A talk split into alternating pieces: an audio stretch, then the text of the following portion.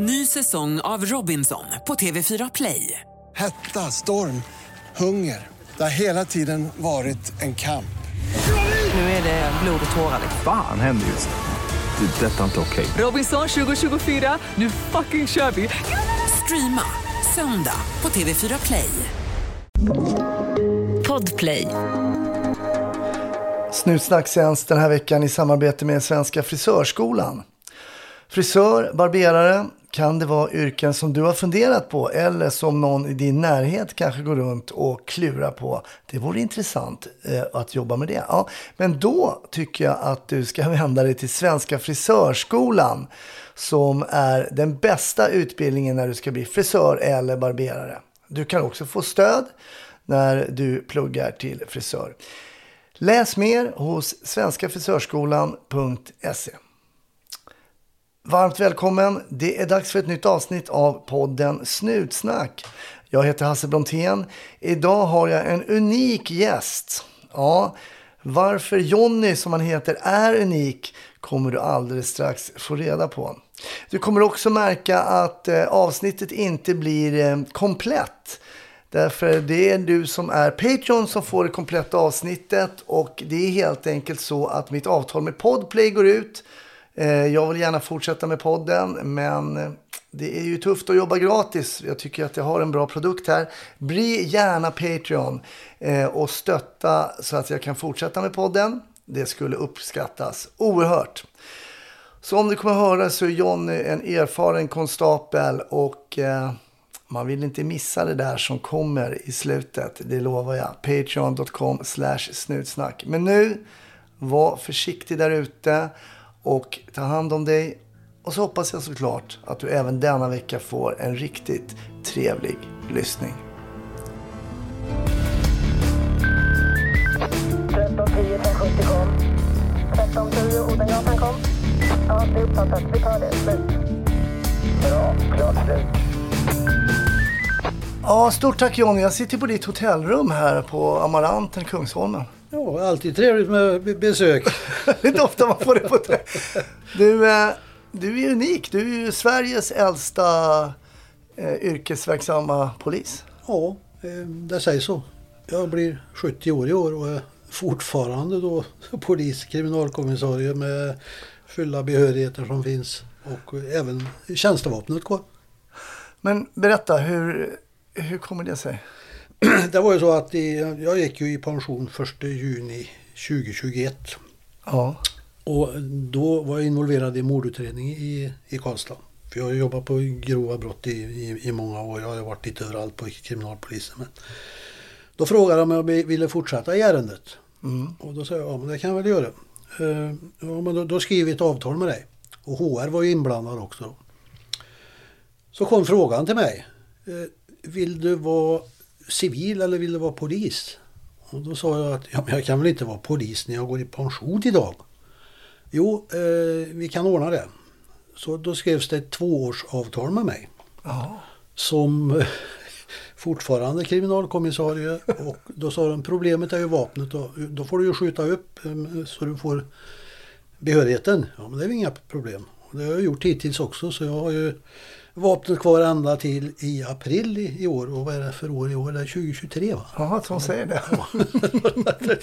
så tiden har gått. Fasen vad eh, häftigt. Så det, det förordnandet gäller i alla fall till 1 juni i år. Men då misstänker jag ändå eh, att du gillar det här yrket. Ja, det sägs eh, från mina föräldrar och mormor och morfar att jag, eh, när jag var runt fem år så sa jag eh, att jag skulle bli polis. Ja, du sa det.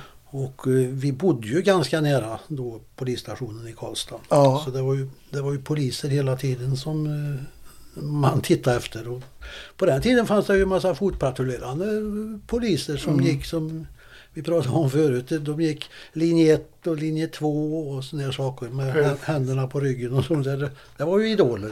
Hade du respekt för konstaplarna? Ja, ja, det är klart man hade det. Eh, Men inte värre än att jag och en kompis, eh, vi var inte så gamla. Vi, jag skulle hälsa på min mamma som var på, på Televerket i Karlstad.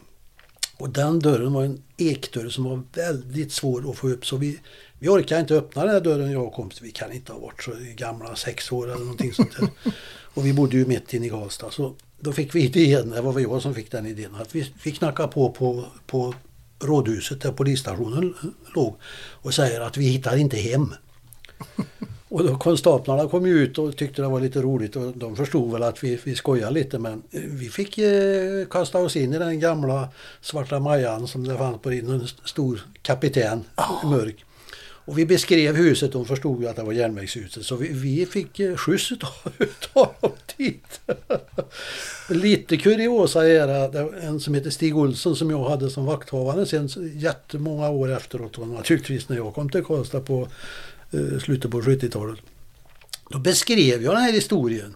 För jag, jag kommer ihåg Stig eh, och eh, då sa han att jag drar mig till minnes att jag råkade ut för den där det lögnen från de små. Så, så det var lite kul faktiskt. Jo men det var ju det som eh, var tanken och eh, men eh, jag- var ju som jag var när jag var yngre. En, en, eh, var ju mer intresserad av idrott än vad jag var utav skolan. Ja, just det. Och eh, man ska väl vara riktigt ärlig och säga att man betygen var inte så noga. Jag hade det högsta betyget i, i, i idrott. Sen hade jag faktiskt ettor och tvåor och treor i, i många ämnen. Men eh, jag klarade mig ändå i livet därför att jag, jag tog värvning tidigt.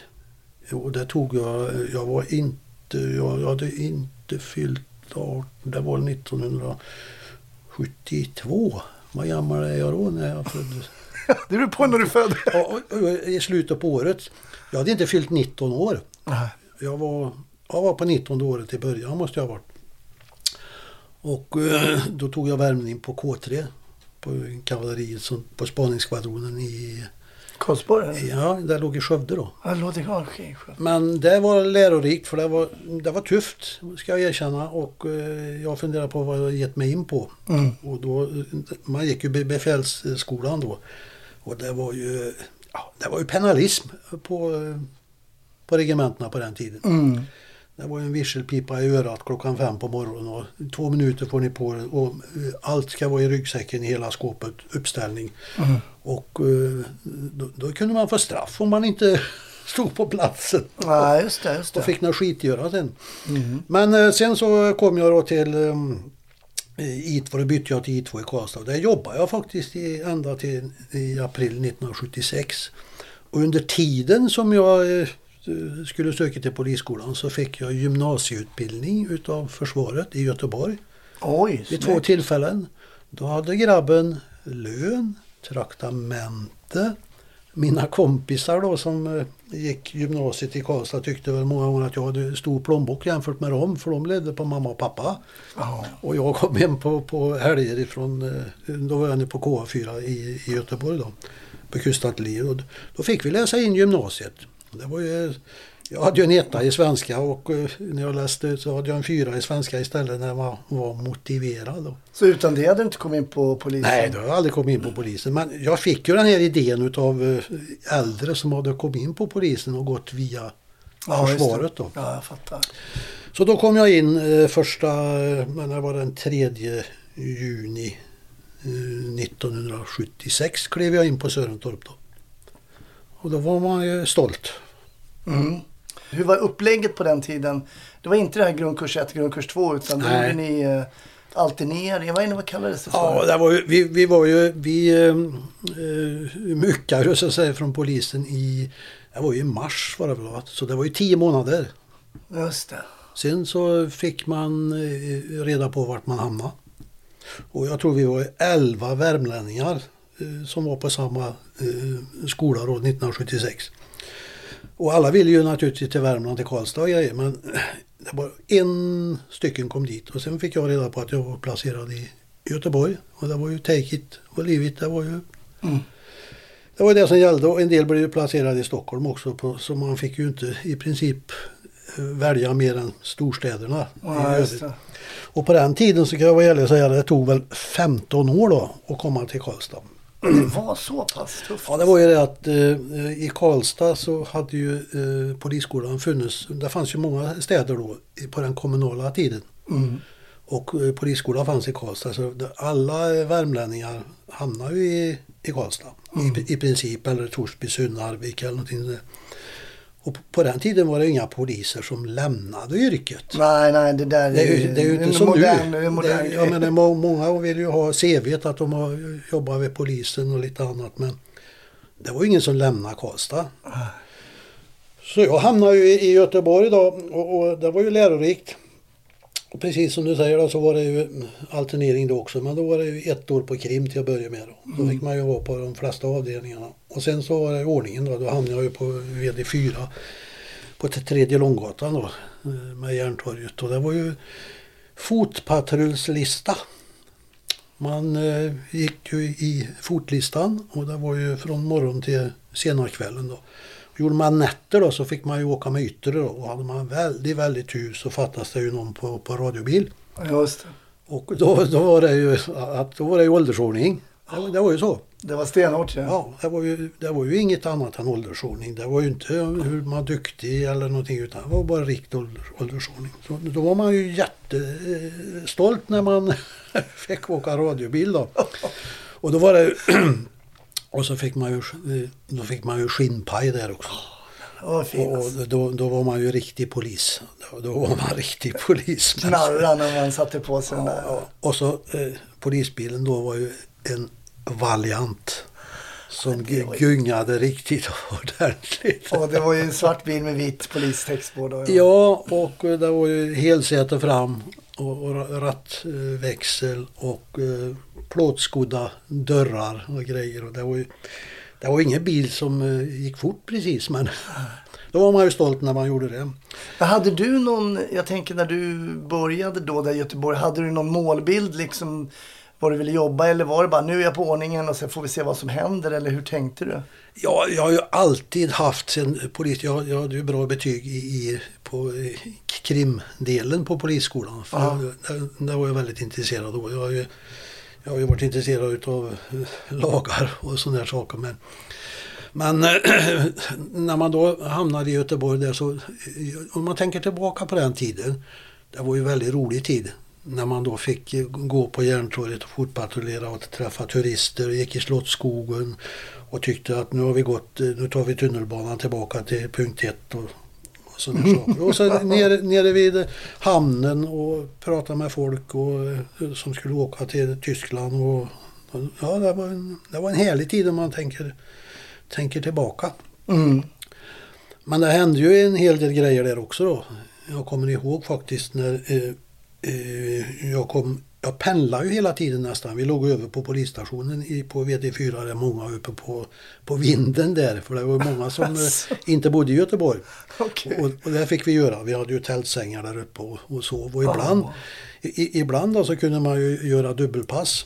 Och, och då gjorde man ju dagen och så sen så eh, fick man ju göra kvällen. Eller man gjorde kvällen och sen fick man göra natten också. Och då kunde man ju åka hem sen. För jag pendlade nästan hela tiden till Karlstad. Ja, det Att, gjorde eh, eh, 1979 så fick jag en, en, en son då. Va? Så att eh, då blir det ju inte annars. Kanske jag har varit kvar i, i, i, Göteborg då. Men, Mm.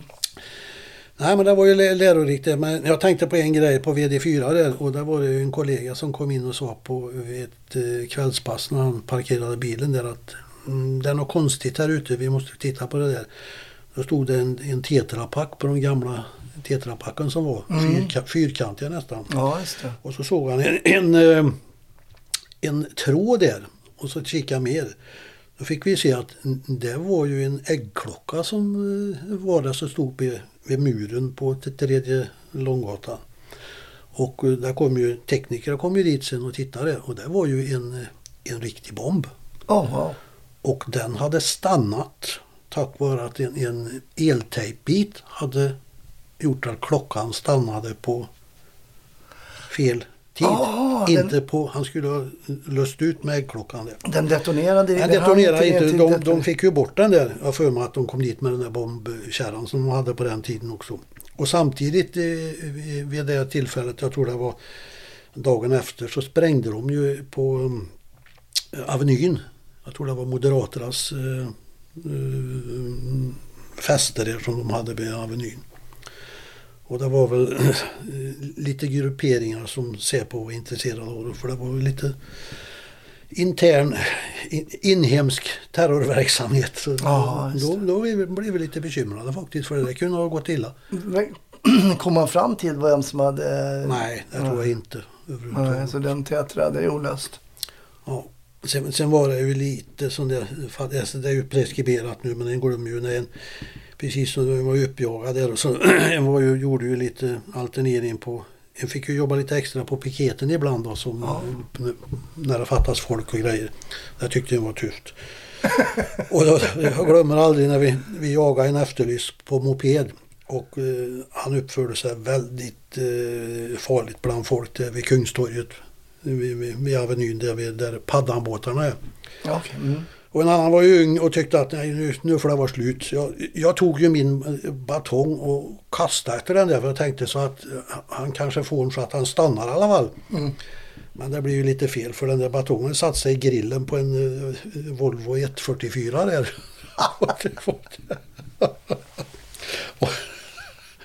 ja, det var väl inget bra men eh, Ny säsong av Robinson på TV4 Play. Hetta, storm, hunger. Det har hela tiden varit en kamp. Nu är det blod och tårar. liksom. Fan händer just nu. Det. är Detta är inte okej. Robinson 2024, nu fucking kör vi! Streama söndag på TV4 Play. Poddtips från Podplay. I podden Något Kaiko garanterar östgötarna Brutti och jag, Davva, dig en stor dos skratt. Där följer jag pladask för köttätandet igen. Man är lite som en jävla vampyr. Man har fått lite blodsmak och då måste man ha mer. Udda spaningar, fängslande anekdoter och en och annan arg rant. Jag måste ha mitt kaffe på morgonen för annars är jag ingen trevlig människa. Då är du ingen trevlig människa, punkt. Något Kaiko, hör du på Podplay. Därför är gardinerna. Hur skulle du säga att ni blev bemötta när ni eh, kom ut som poliser på den tiden? Eh, mitten, slutet på 70-talet sådär när ni hade att göra med, med bovar och banditer liksom. Hur, vad var bemötandet mot er då? Ja, men det var ju, det var ju, det var ju respekt. Det var, det, så var det ju på den tiden. Vilket inte finns i, idag överhuvudtaget. Utan det är ju, ja, men då, då, då var det ju så. Men varför tror du att det har förändrats så pass mycket? Det är ju samma lagstiftning i stort sett vi jobbar med. Kanske till och med bitvis mer restriktiv lag, lagstiftning idag. Men vi har väl tappat hela biten och det är ju inte, det är ju inte från oss utan det är ju från övriga. Det är ju alltid från familjefäder till, till skola till allting. Jag menar nu kan man ju göra precis hur man vill och är det någon lärare eller någon annan som tar tag i någon så är det ju risk för, det är risk för åtal. Till och med. Jag menar, sånt där förekommer ju inte förr men Nej. tiderna förändras ju. Jag, jag tycker vi har tappat, vi har tappat greppet. Det, är- det är svårt att dra tillbaka det. Ja, ibland så ser man ju, man ser klipp på eh, hur poliser blir bemötta. Folk kommer upp och ställer sig en halv meter ifrån och berättar vad de ska göra med dem och Ja. sådär. Och, Och, och, och, och, och börja på att filma. ja, just det. Film, eh, mobilkameran upp i ansiktet på kollegor och talar om jag vet vart du bor och jag vet eh, när du slutar och allt möjligt. Och Det är väl inte så enkelt för eh, nya kollegor, eller poliser att bli bemötta på så ni har sett inte. Det, det tycker jag inte. Utan, ja, men den, den res, respekten har ju försvunnit. Och sen var det ju inte sådana gäng heller som det är idag. Det var ju inte så. Nej. Men sen efter då Göteborgstiden så får du en tjänst då i Karlstad helt enkelt. Och då är det på krim direkt då? Ja, jag, hade, jag hade som tur då ehm, att ehm, det var ju en... Man, man kontaktade ju, det hette väl inte HR på den tiden utan det hette ju någonting annat. Då Personalavdelningen. Ja, det var personalen. Då, då frågade man ju hela tiden om, om det gick att få någon, någon, någon tjänst eller någonting. Så, nej, det var ju kört. Men så blev jag uppringd av en tjej på personalavdelningen i Göteborg. Där jag sa, du, det kanske en möjlighet för dig att komma till, till Karlstad eftersom man hade en, ett, eh, en son också då som var, var ny, nyfödd. Och, Ja. det är en här i Göteborg som han vill byta eh, eh, rekryteringsort. För han har hamnat i, i, i Värmland, i Arvika. Och han vill inte vara där. Och det, var ju, det var ju så mycket konstigt. Så, eh, För han ska läsa juridik samtidigt på universitetet i Göteborg. Ja, okej. Ja, sa jag. Det är väl inga problem. Så vi bytte rekryteringsort. Okej. Så, så jag tjuvade mig in i Värmland ganska tidigt faktiskt. Så då, men då kom du till Arvika? ja, då kom jag till Arvika i... När var det då? Jag kom till Arvika i, i juni eh, 1979 och, och sonen var ju född i, i, i maj 79. Så jag hade en jäkla tur. Lite kortare pendling först då? Ja, men eh, precis som du säger, det var kortare pendling. Det var bara- bara 16 mil tur och retur. Men eh, det var ju också en... Eh, ja, det var härligt att komma till Arvika där, men det var ju helt annorlunda polisarbete. Det var ju så. Ja, det Märkte skillnad då? Ja, direkt. Det var ju inte... Det, det, det hände ju inte mycket. Nej, nej, Och nej. även om det gick något larm där på en bank eller någonting så var det ju, ja, det där, det går stup i kvarten, det behöver vi inte bry oss om och såna här saker. Det lyfta telefonen och göra, är det någon rån eller inte? Nej, nej, nej. Det var, ja, men det var, ju Var det inga raggare på Storgatan där? Det är väl något Jo, stråk där jo som man kan precis. köra det, så var det. Och det var jag ju med om att till och med bakruta på en eh, polisbil blev sönderslagen en gång. Och det, det, det var det stora problem faktiskt. Ja. På, Men på, kom, var du på ordningen då? då? Ja, då var Ja. jag på ordningen så. Så att, eh, Ja, men det är lustigt att det är samma jobb så byter man ort då till en mindre ort och Ja. så blir det väldigt liksom men lugnare. Helt, ja, men helt andra problem. Ja. Vad skulle du säga, vad, vad var det mest markanta i skillnaden? Förutom att det var lägre omsättning på arbete, på jobbinsatser. Jo, men när jag jobbade i, i, i fjärde och när jag jobbade så, så var det ju, det var ju mest fyllon och narkomaner. Det var ju det det handlade om. Det var ju slit och släp med, med fyllon Mm. hela tiden. Just det. Så, så var det ju. Och det var ju köra till TNE och det var köra till en, en massa ställen då så att eh, ja, men det var ju mycket mm, tragiska grejer var det ju i, i Haga. Gamla fastigheter och eh, ja, mm, det var mest fyllon narkomaner. Mm, mm. Men det var det inte lika mycket då i Arvika antar jag? Nej, det var det inte utan det var väl mer ungdomsproblem var det ju. Ja, Och sen var det ju stort, men det var ju mot norska gränsen också så att det var ju mycket eh, långa sträckor man fick åka. Just det. Men eh, jag har väl inte så där jättemycket eh, minne från Arvika-tiden när det gäller händelser. Nej. För jag var ju där bara till i första september 1980. Då, då kom jag till Karlstad. Just. Tillsammans med några kollegor ifrån ehm, eh, Stockholm. Eh, om du kommer ihåg en själv. Eh, Teddy Jonsson. Han, han var Filippins i, i Klara. Nej, jag känner inte igen. Det måste varit lite innan min tid. Ja. D.T. Jonsson eh, var han ju kallad hela tiden. Då, så att, okej.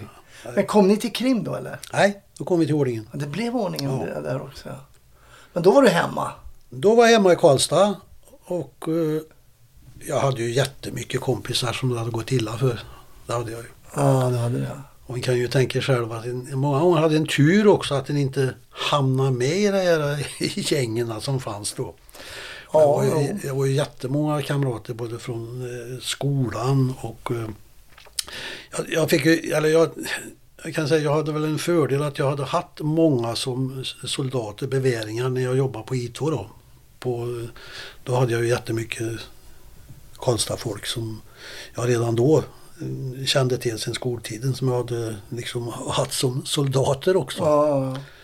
Så det, det var ju inga problem när jag kom, kom till Karlstad som Nej, det var inte det. konstapel. Nej, det var det inte överhuvudtaget. Snarare tvärtom ibland. Mm, Okej. Ja.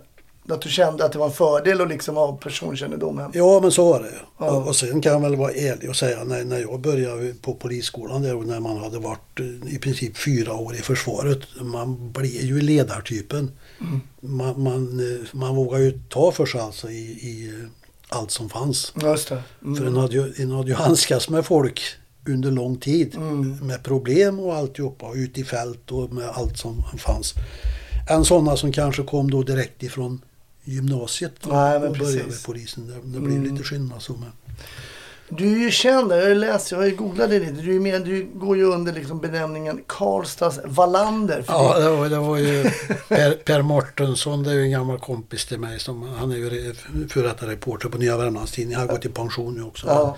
Det var ju han som drog det. Men jag har ju också en annan grej. Där jag och en kollega, Lars Klarin, vi var ju intervjuade här i, för eh, många år sedan då. ja. Då fick vi frågan vem som var Karlstads eh, Bäck eller Karlstads eh, Wallander. Och då, då skrattade vi väl båda två och sa att ja, det är, det är vi väl lite oense. Men vi, kom- väl kanske fram till att jag var, jag var Bäck och Lars var Wallander. Då. Ja, okej. Det, det var ju så. Men, för det är ju framförallt um, kriminalpolisarbetet som du har lagt ner den största tiden eh, på under din polisiära karriär. Ja, eh, men jag, jag var ju på, på jättemycket. eh, Jag, jag var ju ganska tidigt yttre befäl. Mm. Jag fick en tjänst ganska tidigt och så var man ju vakthavande också.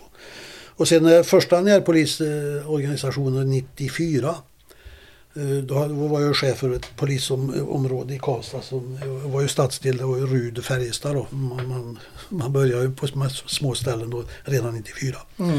Och då fick jag faktiskt eh, FU-ledarbehörighet. Jag gick ju en snabbutbildning här på Sörentorp. Så jag har ju varit förundersökningsledare i princip sedan 1994. Och då hade vi ju i det här området, det var stora problem där med eh, nazister. Ganska unga sådana. Och det, det slutade med att de åkte i finkan ganska fort. Och det var inte bara eh, sådana nazister utan det fanns ju andra ungdomar som var busar också. Ja. Så det slutade med faktiskt att de tände eld på polisstationen med molotov cocktails. Alltså, Ja, och det var 90, 94. var det då alla åkte in? Mm, ja, då åkte eh, fyra stycken in. Ja, fyra stycken. Eh, Vi fick ju eh, bra, vi hade ju lite folk som talade om vilka det var. Vi, vi fick ju lite tipsare redan på den jag tiden. fattar, fattar. Ja. Och då, då sa eh, polismästaren och länspolismästaren Rolf Kleppe att eh, jädra bra jobbat. För tänder de er på polisstationen då har ni gjort ett, ett jobb i alla fall. Det märks. Och det var fyra ganska unga häktade. Och det tog ju inte mer än ett par dagar så brann polisstationen igen. Oj. Och då var det i princip då var det åtta stycken som var i finkan istället. Och sen när de berättade var- varför de tände eld på polisstationen andra gången. Ja, då tyckte de att de var inte speciellt smarta. Att om, om vi tänder eld på det här en gång till nu, då, vet ju, då, då tror ju polisen att eh, de där är oskyldiga. Men de, fattar, de fattar ju inte att de åkte in också, så det blev åtta stycken istället fyra. Ja, okej. Sen så eh, 97 då eh, var det ju stora omorganisationen på, på NÄPO-organisationen. Ja. Och då blev jag chef för eh, Karlstad Öst. Mm. Och Karlstad var indelat i Karlstad Öst, Väst och City och jag var chef för Karlstad Öst. Och det var det största området som gränsar mot eh, Kristinehamn då. Och det var ju problemområdet Kronoparken redan då. Och eh, då har jag för mig vi var sammanlagt, vi var nog 22-23 poliser på, på plats.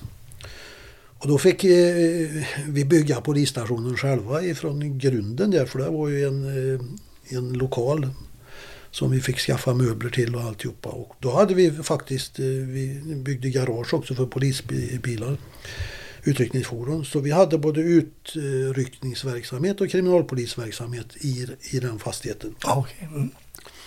Sen, så var jag även, sen bytte jag ju med en annan så att eh, då var jag även chef ute på Hammarö. Och då kom Rolf Kleppe till mig eh, och frågade om jag skulle med till eh, Stockholm för det skulle inrättas en eh, avdelning för gamla ärenden. Vi skulle gå igenom Så här cold case eller? Nej, inte kortcase. Det, det, kommer jag till sen. vi, vi, hela landet skulle ju se över sina, sina ärenden, balanser. Ja, just det. Hur mycket som inte Ja, var precis. färdigutrett så att säga. Mm. Och då följde jag med Rolf Kleppe eh, hit till Stockholm och jag funderade på vad fasen jag skulle med dit och göra. Jo, du ska med, så han, för du får ta hand om det här sen. Och då var jag på möte här på, jag bodde på Amaranten med, med Kleppe och så var vi på möte här med eh, högsta polisledningen, alltså Sten Heckscher. Ja, just det. Och eh, jag satt där i det där rummet med bara höjdare och, och, och, och så jag. Jag tänkte vad fasen gör jag här? Jo, nu ska jag vara med och lyssna. Jag ska Rolf ta hand om det här sen.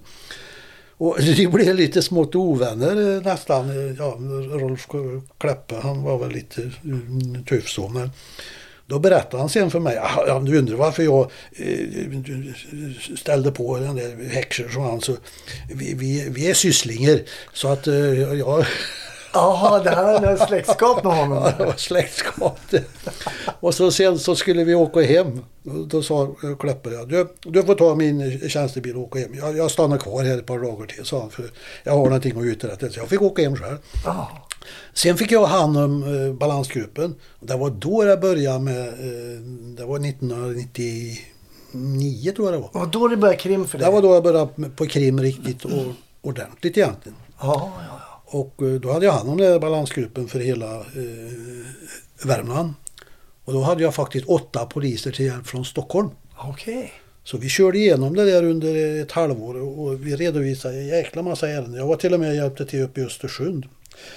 Men sen så um, i samband med det så gick jag ju den kvalificerade första pilotutbildningen för kvalificerade förundersökningsledare. Okej. Och den var ju på lång tid då, det var ju över en tvåårsperiod. Vi var i Umeå och, och eh, ja, det kostade väl pengar det där men det var ju pilotprojektet och då blir det att det blir lite påkostat. Så vi flög ju till Umeå stup i kvarten och så var vi hemma och jobbade. Men det var då jag började på krim på riktigt. Just det, det var då. Och då var jag ju på eh, kriminalavdelningen i Karlstad och sen var jag på jouren, krimjouren i, under lång tid. Men sen hamnade jag på grova brott och det var väl 2007 om jag inte minns fel. Och sen har jag hållit på med, eh, med mord och bankrån och allting. Bankrånen, de, är, de läser man inte mycket om idag. Nej, och jag, jag, hade, jag var ju förundersökningsledare på Sveriges sista bankrån.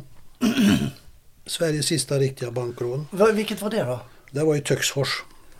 Töcksfors. Var ligger det om det Jonsson? Där ligger vid norska gränsen. eh, Upp i, i, i, det är ju sådana ställen de hade mycket pengar för. Det var ju Charlottenberg och det var ju uh, Töcksfors och Årgäng som mycket skogsägare som hade stor, stora kapital och alltihopa. Så att, men eh, det var den 7 augusti 2012. Ja. Då hade jag semester. Och då ringer de till mig och säger att Toma, du får, du får komma in och hjälpa till. Vad är det nu då? Ja, det är Rånabanken i Töcksfors. Vi har dåligt med personal. Okej, jag bryter semestern och kommer. Och ganska tidigt så förstod ju vi vilka det, vilka det var. Asså, det var så? Ja, Det var, var det lokal... Eh, ah, tre som- stockholmare.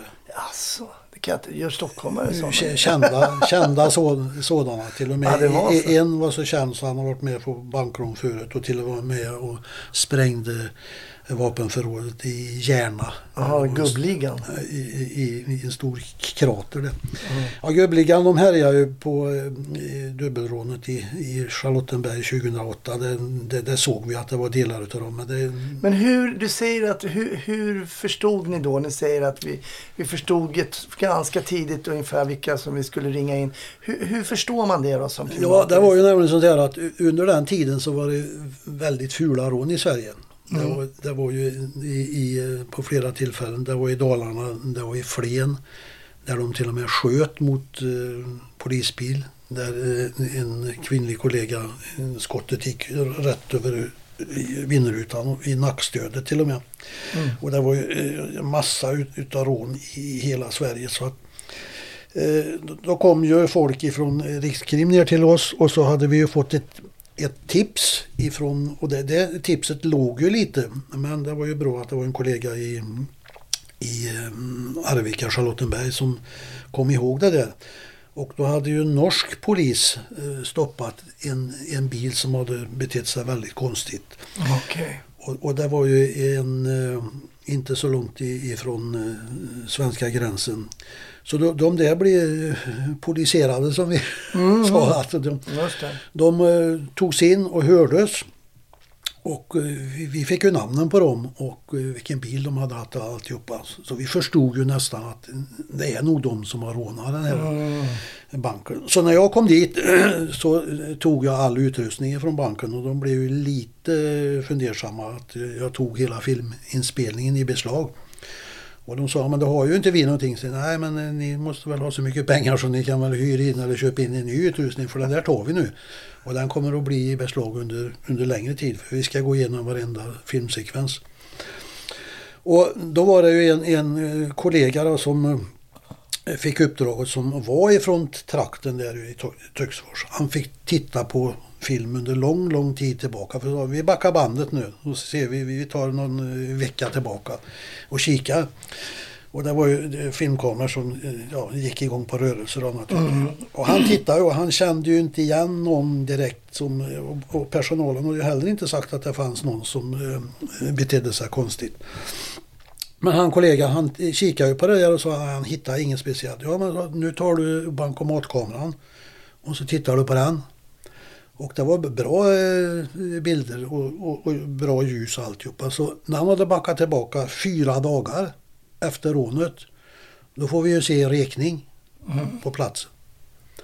Och då, då, då när vi tittar på den sekvensen där. Då förstår vi eh, utifrån tipset bland annat en, även om han är maskerad så känner jag den sen förut. För han var involverad i, bankrån 2008, ett dubbelrån i Charlottenberg. Okej. Och jag ser att det är han, den personen. Men rätten kan ju inte se det. Nej, nej, nej, överhuvudtaget. precis. Plus att en liten man som också var från Stockholm, han var bara 21 år då. Han går och rekar med en kamera där. Och när han vänder sig om sen. Då får vi se att han har ett par Gent jeans. Och det, det är ett hål i höger bakficka där. Gans- snusdosan, snusdosan. Ganska markant faktiskt. Okej. Och vi förstod ju vilka det var så vi började ju på eh, di- direkt i princip dagen efter och, och hade telefonavlyssning på det här gänget. Och det, det pågick i princip sedan den 14 augusti ända till eh, det var Lucia Oj. Mm. 2012. Och eh, Rikskrims spanare hade ju tittat på det här gänget under hela tiden. Och vi fick ju ingenting på telefonavlyssningen och de gick ut i skogen och pratade naturligtvis. Så spanarna kunde ju inte se någonting heller. Men vi samlade upp jättemycket eh, på det här gänget då. Så att vi hade ju jättemycket på fötterna. Men sen förstod vi ju att eh, det skulle hända någonting. Och det var ju i princip dagen före mm, Lucia 2012. Då drog de iväg i en, i en bil eh, som de hade stulit och följde efter. Men vi hade inga telefonnummer. Nej. Men eh, vi lyckades ju spåra upp telefonnummer ändå. Alltså. Och de, de åker, vi visste inte vart de skulle för vi trodde de skulle mm, göra nytt rån. Eftersom de- de hade en stulen bil och en, en hyrbil. Ja. De kör norrut och åker upp emot Umeå. Och sen så kör de upp emot Bjurvattnet. och det var en, en fastighet som var till salu där. Och det var ju jättemycket snö där uppe. Och eh, Annie var med på, Jaha. på resan. Alltså då var den nationella insatsstyrkan och var med. Och de låg ju nedgrävda där i, i, i snön. Men sen på natten, precis när efter Lucia där, då bröt de upp dörren och slängde in en, en liten eh, laddning där så att det dundrade i hela huset. Ja. Och grep, och då, var- då var de ju fyra stycken där. Då visade det sig sen att vi hade ju ganska bra bilder från eh, rånet i Töcksfors. Eh, en fotograf som hade eh, kommit dit och tagit kort. Det var hans pappa som ringde då den 12 augusti och sa att det är ett rån här. Jag, jag, jag tar bilder, sa han. Men kom du också, så den här killen kom ju till platsen och tog eh, jättefina bilder med 200 objektiv. Åh jäklar. Och det var så bra bilder så vi kunde se i princip eh, pormasker i ansiktet på dem. Det hade varit så. jäklar, Men det var ju grej. maskerad. All, de Ja. såg likadana ut alltihopa. Fast de, de var ju i olika längd och olika tjocklek och alltihopa. Och vi ser ju då det direkt på det här fotografiet då att en har ju en, utan maskeringen så har han ju en hästsvans. Och där har ju den eh, när han inte är maskerad också. Så.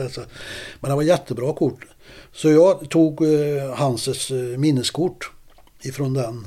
Och så hade jag en likadan Canon-kamera så vi, vi, vi plockade över grejerna och fick ju jättebra bilder.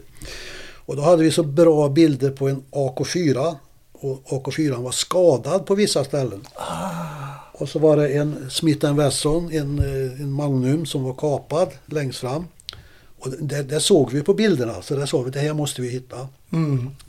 När det gjordes husrannsakan i Bjurvatten ute i den där fastigheten där ute så eh, under en V-hög. För där kom ju vapenhund och grejer, de var lite intresserade utav det. Och de rev ner hela V-högen, det var ganska mycket V faktiskt. Där under ligger det en, en, en grönmålad, som det var vid rånet, en grönmålad AK4.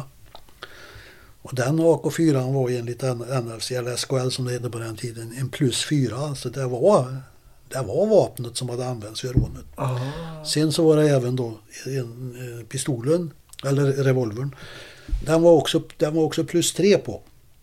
Och sen var det ju andra ammunition och det var ju allt möjligt där. Så att, Hur gör man den? Vad är plus tre? Vad är bra så att säga för... Ja, det, det är ju näst till, till högsta. Att det, det talar starkt för att Mm, det är... att det är samma vapen. På fyran så är det ju det, det är 99,99 Ja, procent. ja, så okej. säger så. Jag fattar. Ja. så eh, samtliga åkte ju i, i finkan. På, eh, Kommer du ihåg vad de fick? Ja, det var ju som så att de, eh, vi var ju på Södertörns eh, säkerhetshåll där. Och, och det, var ju lite, det var ju lite lustigt där också men eh, GV var där.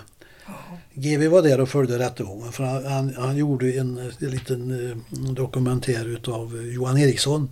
Okej. Och Johan eh, Eriksson var ju försvarare åt den minsta grabben här. Och Johan Eriksson myntade ju, eh, vi satt ju, eh, jag och en ko- kollega Mats Sjöblom, vi satt ju och biträdde åklagaren Gunilla Öhlin från Kalmar som hade eh, flera av de här rånerna i Sverige. Vi biträdde henne hela tiden och satt och antecknade vad som sades. Så att vi träffades sen på hotellrum och gick igenom till dag två och sådana saker. Jättebra jobb alltså. Och de fick då ehm, de fick fem år. Ja. Jättedåligt. Jag menar f- under att klocka tillbaka så hade det varit tio år för grova bankrån. Mm. Men mm, det blev fem år. Och GV satt ju där hela tiden och, och eh, gjorde en eh, ja, dokument, eller research på Johan Eriksson då i Expressen. alltså? Ja, stjärnadvokaten Johan Eriksson. Och Johan Eriksson myntade ju det på ett tillfälle. Ja, nu har ni dragit hit de eh, duktigaste utredarna för bankrån eh, och eh, ni har ändå ingenting att komma med. Ungefär så. Det var, det, ja, men det var ju, vad vad, vad ska han säga? det var ju, det var ju Ah, klappat och klart egentligen. Men då var ju norska poliser där och vittna också att de, när de blev stoppade där, de där tre som var då i, i, i, i Norge. Då hade de ett fiskespö för de sa att de var ute och fiska och så var det jättemycket kartor i bilen där. Hyrbil från Stockholm. Och eh, då, då, då säger norske kollegan, ja det var lite knepigt för det, det var ju ett sånt där eh, bebisspö som man kan köpa till barn som, där, som inte är mer än en, en halv meter ungefär med en rulle på. Och då, då hör vi hur eh, GV eh, myntar. Åh, tre, tre vuxna karlar med bebisspö, sa han. Han verkar inte vara tyst. Och det, det var ju säkerhetssalen där och det var ju liksom glasrutor framför mig. Ja. Åhörare var ju en hel del gamla bankrånare som, Ja, var, det som hade blivit eh, för gamla för att de var där och, och, Och lyssna. Och, och lyssna. Men sen så blev det ju hovrätt då i Göteborg och det blev ju samma, samma dom där. ja, det blev det. Fem år. Men på tal om GV och eh, juridik. Vi har i dagens avsnitt så har vi ju A, eh, MV ska jag säga. MV. Marie Wallin som jag pratar lite juridik med. Så vi ska bryta av här lite grann. Lyssna på Marie Wallin. Om inte hon har lite bättre eh, koll än självaste GV själv. Eh, Vi är snart tillbaks. Ny säsong av Robinson på TV4 Play. Hetta, storm, hunger. Det har hela tiden varit en kamp. Nu är det blod och tårar. Fan händer just nu. Det. är Detta är inte okej. Robinson 2024, nu fucking kör vi! Streama söndag på TV4 Play. Ett poddtips från Podplay. I podden Något Kaiko garanterar östgötarna Brutti och jag, Davva, dig en stor dos skratt. Där följer jag pladask för köttätandet igen. Man är lite som en jävla vampyr. Man har fått lite blodsmak och då måste man ha mer. Udda spaningar, fängslande anekdoter och en och annan arg rant. Jag måste ha mitt kaffe på morgonen för annars är jag ingen trevlig människa. Då är du ingen trevlig människa, punkt. Något Kaiko, hör du på Podplay. Därför är gardinerna. Nu bryter vi av för lite juridiksnack med Marie Wallin. Välkommen tillbaks Marie Wallin. Tack! Vad kul att vara tillbaka. Att Ja. jag får komma tillbaka. Verkligen. Det, det var jättekul. Vi har fått väldigt positivt, faktiskt enbart positiv respons på att prata lite juridik i Snutsnack. Det är bra. Det är bra. Ja, Det var någon, jag såg att det var någon som hade haft dig som lärare i juridik och tyckte att du gjorde juridik roligt. ja, det var ju en rolig kommentar att få, Ja. måste jag säga. Med tanke på att juridik, just när jag var, för jag, jag vet inte vem det var, men antagligen någon student från Polishögskolan. Och då var det alltid det här, man visste så här, nu ska jag ha juridik. Och så ville alla egentligen skjuta och köra bil och självskydd. Och så vet man, nu ska vi prata brottsbalken. Så då är de där extra roliga att få lite återkoppling. Mm, Ja. Jag förstår det, Mm. jag förstår det. Men jag håller med. Ja. Jag har ju läst igenom lite vad vi ska prata om idag och det är faktiskt eh, lite roligt. Och det är väl kanske du som gör det lite extra roligt. Vi pratade ju i förra veckan om det här HD-caset då. Eh, den här mannen som hade blivit friad i både tingsrätt och hovrätt eh, för mord men blev dömd, indicier, livstidsfängelse. Ja. Eh, som eh, har lämnat landet dock. Just det. Mm. Så det är väl en dom som finns på pappret Mm. om livstidsfängelse. Mm. Precis. Då tänker man ju lite kanske, vad bra, bara vi har lite indicier, kanske Mm. ett visst antal, så um, Blir det fällande dom? blir det fällande dom. Mm. Eller? Nej men det var ju det målet i sig, det var ju, blev väldigt mycket media och sen lite så slutsatser kring att åh, men då kan man inte behöva ha så bra bevisning längre, som att det var så bevislättnad. Mm. Men, det, men det som inte riktigt, och som vi inte heller faktiskt pratade om, det var att det kom ju ett till fall, alltså ett till sånt där prejudikat samma dag från Högsta domstolen, 14 februari, med samma dom, domare. Liksom, de dömde av två mål Okej. med samma typ av så indicier. Eh, så att det var ingen direkt bevisning heller, som var ett försök till mord. Där han, de två personerna där blev friade. Mhm. Så där tyckte man liksom, om man ska göra så här sammantaget, där tyckte man inte att de här indicierna räckte. Så en del läste kanske bara den första domen och tyckte att, aha, okej, ehm, nu kan vi lite lättare döma folk till fängelse. Men om man läser båda domarna och är lite sådär helhets... Ja, tänker mer helhet, så kan man faktiskt se att det är de här nyanserna. Vi har en rättssäkerhet. Det är inte bara att ha massa indicier och tro att nu blir det fällande domar. Nej, Ehm, det som jag trodde lite grann. Ja, och, och många med dig kan jag väl säga. Det var nu, och det är lite sånt som... För det kom någon kommentar in här, men, men det var ju inte helheten, alltså någon annan då. Men det var ingen som, som jag kan lokalisera vem det var, men som var lite så här, men helheten då? För det var väl en annan bedömning också. Mm. Och det var det här Årsta torg. Just då, om vi benämner första då, mordet vid busshållplatsen. Ja. Och då var det ju så här, då hade han ju blivit eh, friad i hovrätten, men Mm. dömdes ju nu till livstidsfängelse i Högsta domstolen och han har ju lämnat landet. Mm. I det andra fallet så hade vi två personer som hade blivit dömda, så de kom ju liksom upp med en annan ryggsäck, om man säger så, till hovrätten, med en Mm. fällande dom på fängelse. För, och det här var ju också, ja men det är det här sjuka vi har nu, liksom att det är massa vapen, men det var ju på samma sätt där. Det var ju liksom då två ordningsvakter som blev beskjutna. Eh, och de hade varit på Årsta torg, det är därför det heter det. Och sen så hade de avvisat ungdomar på Mm. grund av olika skäl. Och sen när de lämnar platsen i sin tjänstebil så blir det ja, ett vapen som riktas och ett skott som går av in i förardörren. Träffar en enes byxben. Så det var liksom bara så här Oh, tur. wow. Ja, Så Mm. inga personskador, men återigen ett angrepp med pistol. Det är ju rimligt att skjuta för att man inte har kommit in på en krog. Nej, det avvisar från ett torg. Avvisar från torget Mm, ja. också? Mm, mitt på dagen. Ja, men ännu mer rimligt. Så att ja. då tycker man att då ska det skjutas. Ehm, och då är det lite det här då, vilka är det som, om man ser, åker dit på det? Ja, då var det de här två personerna som man kunde sätta i samband med det här. Och då var det precis på samma sätt. Det var ingen som hade liksom sett att det var de två, men man kunde koppla ihop telefonlistor.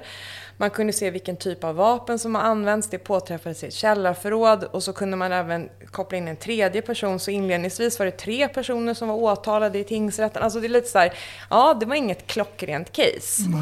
Um, men å, återigen, de dömdes då i hovrätten, gemensamt och i samförstånd. Försök till mord.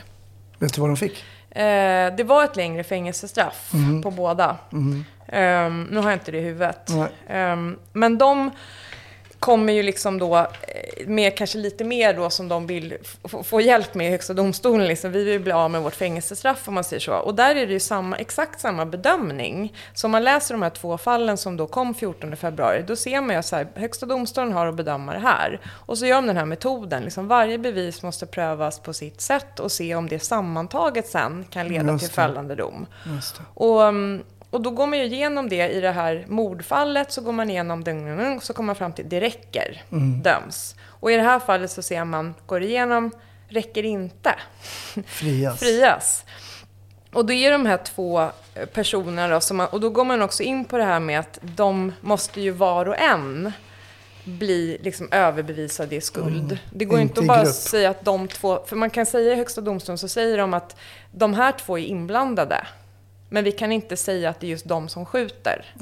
Eh, och det är ju där någonstans man landar i att man tycker att det här rimliga tvivlet, att det kan vara några andra personer. Ja, och då tippar det liksom över. så jag tycker tipset är ju att man läser båda de där domarna. För Högsta domstolen meddelade ju dem samma dag av en anledning, för att man liksom vill få hela bilden. Men vänta, då hade ju, tror jag, GV lite dålig koll här. Jag såg Nyhetsmorgon. Han pratade bara, för de sa det finns två domar. Han bara, nej, det är bara en dom tror jag. Ja, men då, då kan det vara... För om man, säger, om, man, om man läste det som kom från Högsta domstolen och pressmeddelande, då var det väldigt tydligt att det är två domar. Okej, då får jag säga, då är det alltså MV som gäller, inte GV. Så vi går in i en ny era nu när vi kommer till att prata juridik. Eh, och eh, det kommer, glöm aldrig vad vi började med det, det var ju snutsnack. Jo, men du har målnumren på de här. Om vi börjar med eh, mordet vid busshållplatsen då. Ja, då var ju det ehm, B5952-21. Ska skriva ut det också på Facebook-sidan. Ja, men för den som är, för det är faktiskt lite samhällskunskap här också. Ja, ja, det, absolut. Och sen har vi då Årsta torg. Mm, och då hette den ju 2354 22. Mm. Och ja, de finns ju då som sagt på hemsidan där. Och där är de ju avidentifierade också, så att det står ju bara... Ja, just det. Ja, så det är inga, inga personuppgifter vi behöver tänka att vi...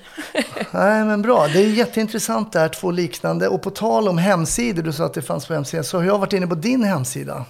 Jaha. Mm, jag, har jag har snokat runt lite. Jaha. Nej, men eh, ingen stalker-variant. Men då var det faktiskt så, där läste jag om ett case som du har varit involverad i. Du får berätta lite mer kanske. Men det gäller polisen som inte ville lämna ut uppgift. Ah, Mm. ja, sekretesscaset ja. Precis. Vad- Berätta varför, varför är det här Varför jag har intressant? skrivit om det? Ja, det Ja. måste ju vara något viktigt om du har skrivit ut det på hemsidan. Ja, och nu, nu tog det ju mig lite, för jag hade inte tänkt att jag ska prata så mycket om... Men avidentifierar det till att det, fakt- ja, det har ju verkligen med, med en polisfråga att göra. Ehm, nej, och där är det ju den här andra världen. Nu har vi varit inne i Högsta domstolen, eh, där det ju krävs prövningstillstånd och prejudikat. Sen har vi den här andra delen som handlar om förvaltningsrätt. Då har vi det Högsta förvaltningsdomstolen som är liksom det, är, det H- högsta. är det HD för förvaltningsrätt så att säga? Och den, och den delen har ju inte med det, om man säger som man tänker i vanliga fall, att man jobbar med eh, som polis och åklagare, för då är det ju straffrätt och då är det liksom tingsrätt, hovrätt, högsta domstol. Men ibland hamnar man i den andra delen också. Och det är till exempel som i det fallet där jag ehm, har varit inblandad, då är det att man inom Polismyndigheten har eh, nekat en person att få ut en uppgift. Okej. Och då är det helt plötsligt liksom sekretessreglerna och allmän handling och uppgifter. Och då blir det helt plötsligt det där andra systemet. För då är det liksom en myndighet av Polismyndigheten som i det här fallet säger nej. Vi tänker inte lämna ut den här uppgiften. Kan du, kan du berätta om- utan att berätta? Ja, men vad, nej, men- varför vill man ha ut, vad är det för uppgift? Nej men det handlar om en person som, ehm, som begår ett brott i en butik. för ett ganska, en ganska låg summa, men det är 1300 kronor ungefär. Men det är liksom över då 1250 med stöld. Så det är stöld? Så det är alltså. stöld. Så det är inte ringa stöld, utan det är stöld. Och det är ingenting som är oklart med händelseförloppet, utan den här personen har stulit de, de här varorna. Mm. Så det är liksom allt det här med tillrinningsuppsåt och man har passerat sista betalningsmöjlighet. Liksom så. Och det är inte heller oklart vem. Nej, okej. Eh, Så brottet i sig är klart och vem som har gjort det. Mm. Och sen den här handlaren då som eh, anmäler brottet till polisen och så säger polisen vi kommer inte komma vidare med det här för personen är under 15. Alltså Mm. ej är straffmyndig. Och det är ju som vi har, det är inget konstigt med det. Men då Nej. säger den här, eh, liksom, som man kan då säga, brottsoffret, målsäganden, butiksägaren. Men jag har ju liksom blivit av med 1300 spänn. Ja, det är sant. Och det är ju fortfarande kopplat till en gärning. Vi vet vem som har gjort den och att den har skett. Mm. Och då menar den här personen att då vill jag veta vem det är så att jag kan kräva dens vårdnadshavare på skadestånd. Ah, så kräver föräldrarna helt enkelt Ja, på om någonstans där med. Mm. ansvar, konsekvens. Liksom att okej, den kommer in i min butik, tar saker för 1300 spänn. Det går inte att komma vidare i domstol för han, personen är under 15, Mm. köper det. Men då kan ju inte den personen heller få skadestånd, för det finns ju liksom ingen dom då att hänga Det upp. låter ganska orimligt att man inte skulle kunna få någon form av skadestånd ändå när man blir bestulen. Ja, men när du inte vet vem det är så blir det ju väldigt svårt, för man säger ofta här, man Men fast polisen vet ju vem det är. Ja, men inte den som har blivit utsatt. Nej, och, Och då- han vill alltså få reda på Ja, vem föräldrar- det är. Och då Bara- nekar, då säger polisen nej då Ja, helt enkelt. för då säger de att det är av synnerlig vikt att skydda den här underåriga. Och då tycker handlaren, men jag ska inte göra något annat än att bara kräva skadestånd. Av föräldrarna. Jag ska liksom inte hänga ut personen. Jag ska inte... Han är egentligen inte ute efter den här gärningspersonen för det är liksom avklarat. Ja, jag vill ju bara veta äh, vem man ska rikta skadeståndet mot för att få tillbaka sina pengar. Ja, okej, jag fattar. Men varför, då, och hur kommer du in i den här bilden? Mm. Nej, då? men då, då är det den här personen som, som då får kontakt med mig. Är du advokat då? Nej, men ombud. Ombud, liksom. Mm. juristombud. Juridiskt ombud, Ja. okej. Mm. Och bara säger till honom att jag tycker att det finns ett skäl att klaga på den här, det här beslutet från Polismyndigheten. För att jag tycker inte själv att det känns som att man riktigt har beaktat helheten, utan man bara skyddar den här ungdomen eller barnet. Och hans föräldrar kan man ju Och säga indirekt. Ja, men lite så också att det, det blir ingen konsekvens alls. Nej, Om man tänker precis. samhällsmässigt, att först får man ingen... Man blir inte liksom föremål för någon utredning. Nej. Och man får inte heller betala. Men då, då är min fråga där, okej han hör av sig, och, men vad, hur motiverar polisen då att han inte får... Bara att, alltså åldern. Att det liksom är av synnerlig vikt att skydda den här personen för att den är så ung. Så bara ett nej liksom, han är för ung. Och så står det lite från förarbeten om att det kan finnas risk för att man ska trakassera personen. Och då menar jag ju min argumentation, så vi börjar med att klaga på det här till kammarrätten. Okej. Och liksom utifrån att det är också så orimlig konsekvens. Att det blir ingenting i domstol beträffande brottet och det blir inte heller något för skadeståndet. Så vad är konsekvensen då för unga personer? Ja, Tror du summan har någonting med det här saken? Om det hade varit att de blev bestulen för 20 000? det är ju det man inte har en aning om. Nej. Och det är därför jag tycker att det blev extra intressant att se om man, om man säger så här, kan ta det här på allvar, trots att det bara handlar om 1300 spänn. Yes. För det är ju inget så här gigantiskt case som man bara wow, nu kör vi, utan det är ju lite så här, mm. Och samtidigt i min fyrkantiga värld, det är ju ett brott som har begåtts av en känd gärningsperson. Ja. Det är ju liksom i sig ingenting som vi inte borde få någon form av upprättelse i som målsägande. Nej. Och då är det inte heller för mig intressant om det är en fysisk person, alltså privatperson, utan, eller en juridisk person, för det här är ju ett företag. Mm. För mig är det också så att det är inte det vi ska titta på. Det är inte så här, har den råd eller är det mer synd Nej, om nej, det- den? nej, det. Nej, och det är- ibland det kan det ju är- också ligga lite att man ser, ja men det är en kvinna som är utsatt, som att det skulle vara värre än att det är någon som har en livsmedelsbutik. Alltså lite, ibland kan jag så här- Lagen har inga känslor. Nej, men alltså är det här lite så här, mm. Och därför var det lite extra intressant att bara lägga lite tid på det här. Mm, vad gjorde du då, då? Nej, men då skrev jag till kammarrätten och tyckte att det här beslutet behöver ändras på. Ehm, och argumenterade då för målsägandens rätt kontra skyddet för den här unge. Och skrev väl också liksom att det är jätteviktigt att skydda ungas identitet. Det är inte det det handlar om, men här är liksom ett annat intresse som jag tycker då väger tyngre. Och så kommer kammarrättsråden fram till, eh, och det var alltså, lite samma som när HD-domen vi var inne på, att det var en som var skiljaktig. Så majoriteten håller med polisen. Att det var rätt. Men sen ser jag en öppning, för det är ett sånt här kammarrättsråd som i princip skriver det som vi har skrivit i vår överklagan. Mm. Och då får jag en liten, ah, vi kanske ska testa och se om vi skulle kunna få upp det här till då Högsta förvaltningsdomstolen, liksom motsvarande Högsta domstolen, för att få en prövning om det här med synnerlig vikt för 15, alltså under 15 år, om det ska verkligen väga så här tungt.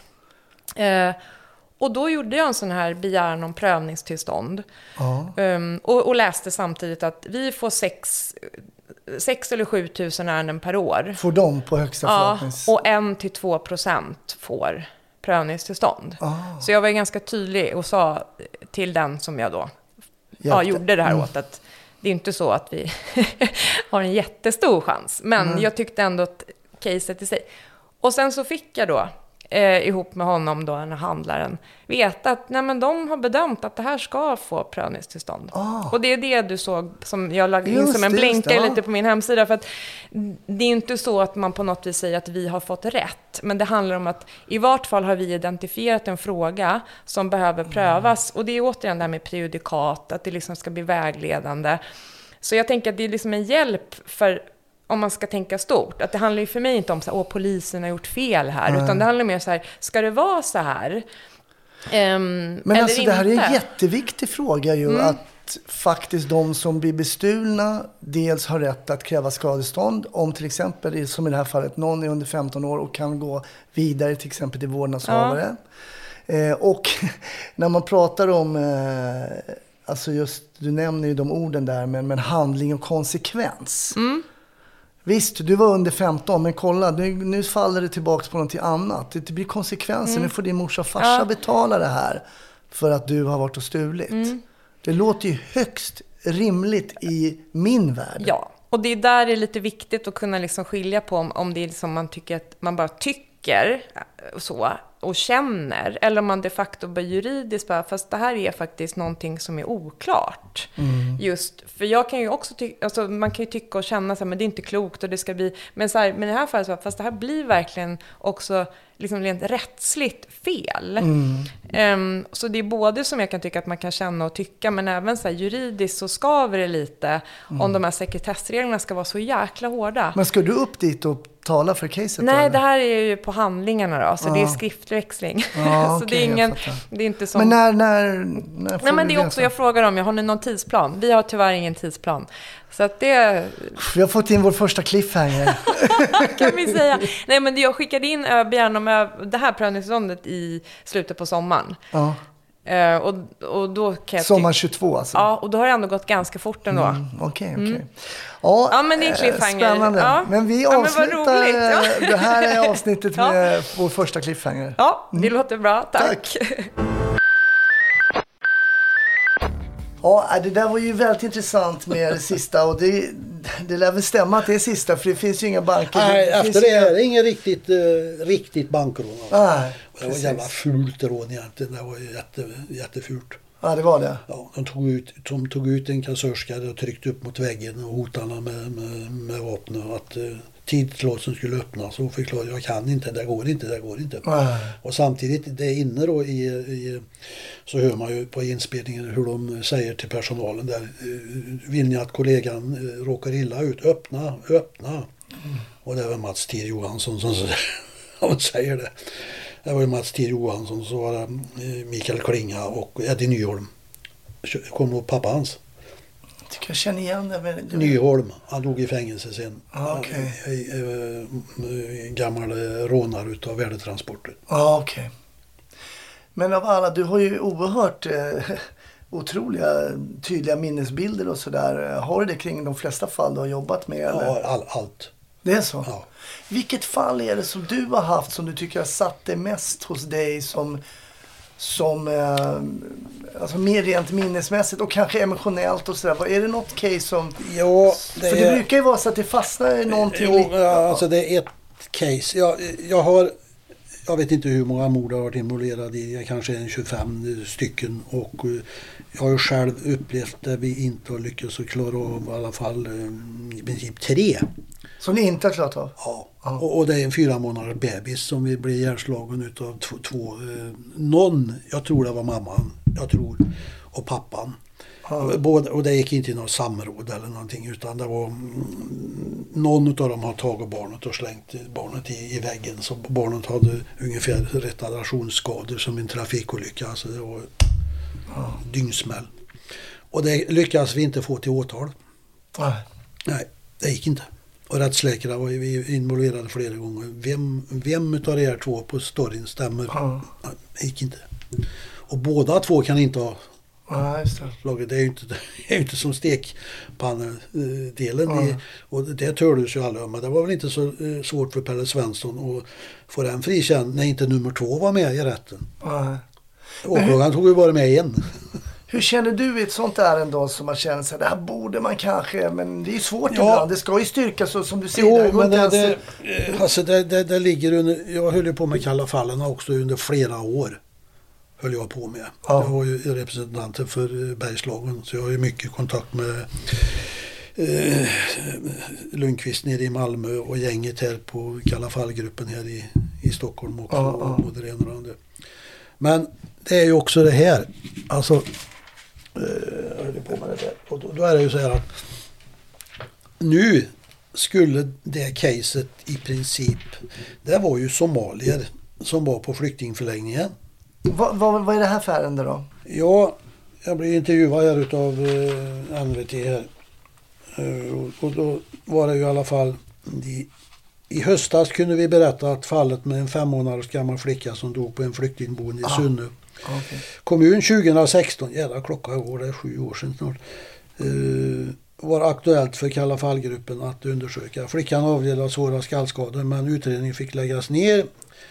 Eh, han har ju inte lagts ner, han är ju vilande fortfarande. Ja. Då hennes föräldrar skyllde på varandra och tillräckliga bevis saknat. Eh, Och sen var det ett annat mord, en som blev innebränd i, det var tre olika eh, brandhärdar i en, eh, en missbrukars lägenhet. Och vi hade ju en häktad där också men det gick ju inte att bevisa. Nej. Men när jag tänker på det här fyra månaders bebisen där så var det ju som så att det var en flyktingförläggning där utanför Sunne, Rottneros. Ja. Det kom ju in som att en mamma hade tappat sin bebis. Och, Ah, det, och det, det blev fel från början det här. Och jag, sa, Ah. jag, sa, jag ringde när jag fick reda på det att nej för fasen. Jag ringde åklagaren i, i, i Karlstad, vice chefsåklagaren och sa att nej stopp den här kvinnan ska in. Hon ska gripas för helsike.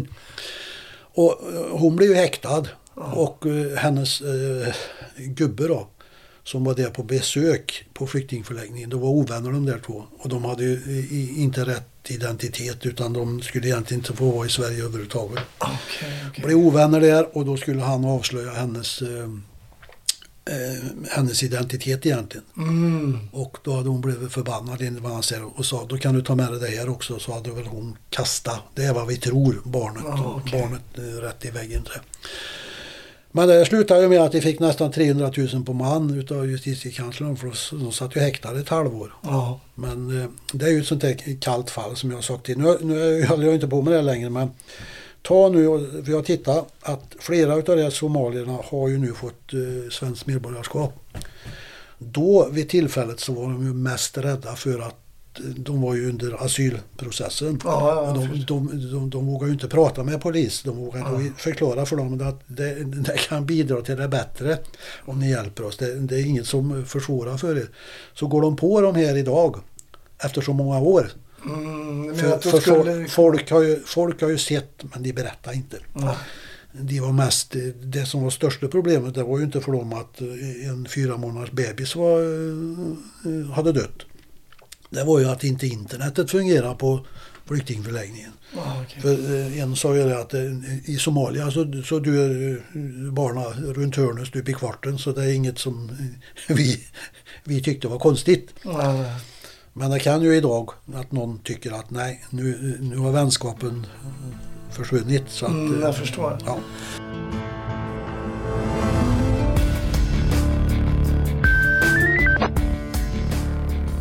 Stort tack till dig som lyssnar på Snutsnack. Här rundar vi av veckans avsnitt för er som inte är patrons.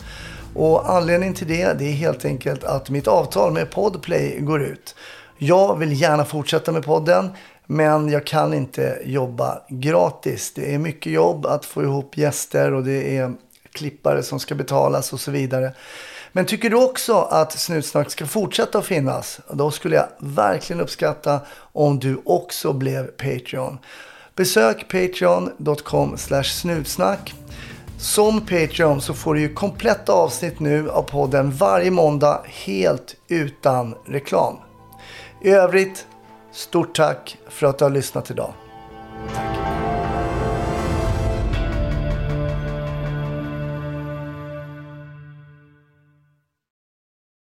Ny säsong av Robinson på TV4 Play. Hetta, storm, hunger. Det har hela tiden varit en kamp. Nu är det blod och tårar. Fan händer just nu. Det. är Detta är inte okej. Robinson 2024, nu fucking kör vi! Streama söndag på TV4 Play.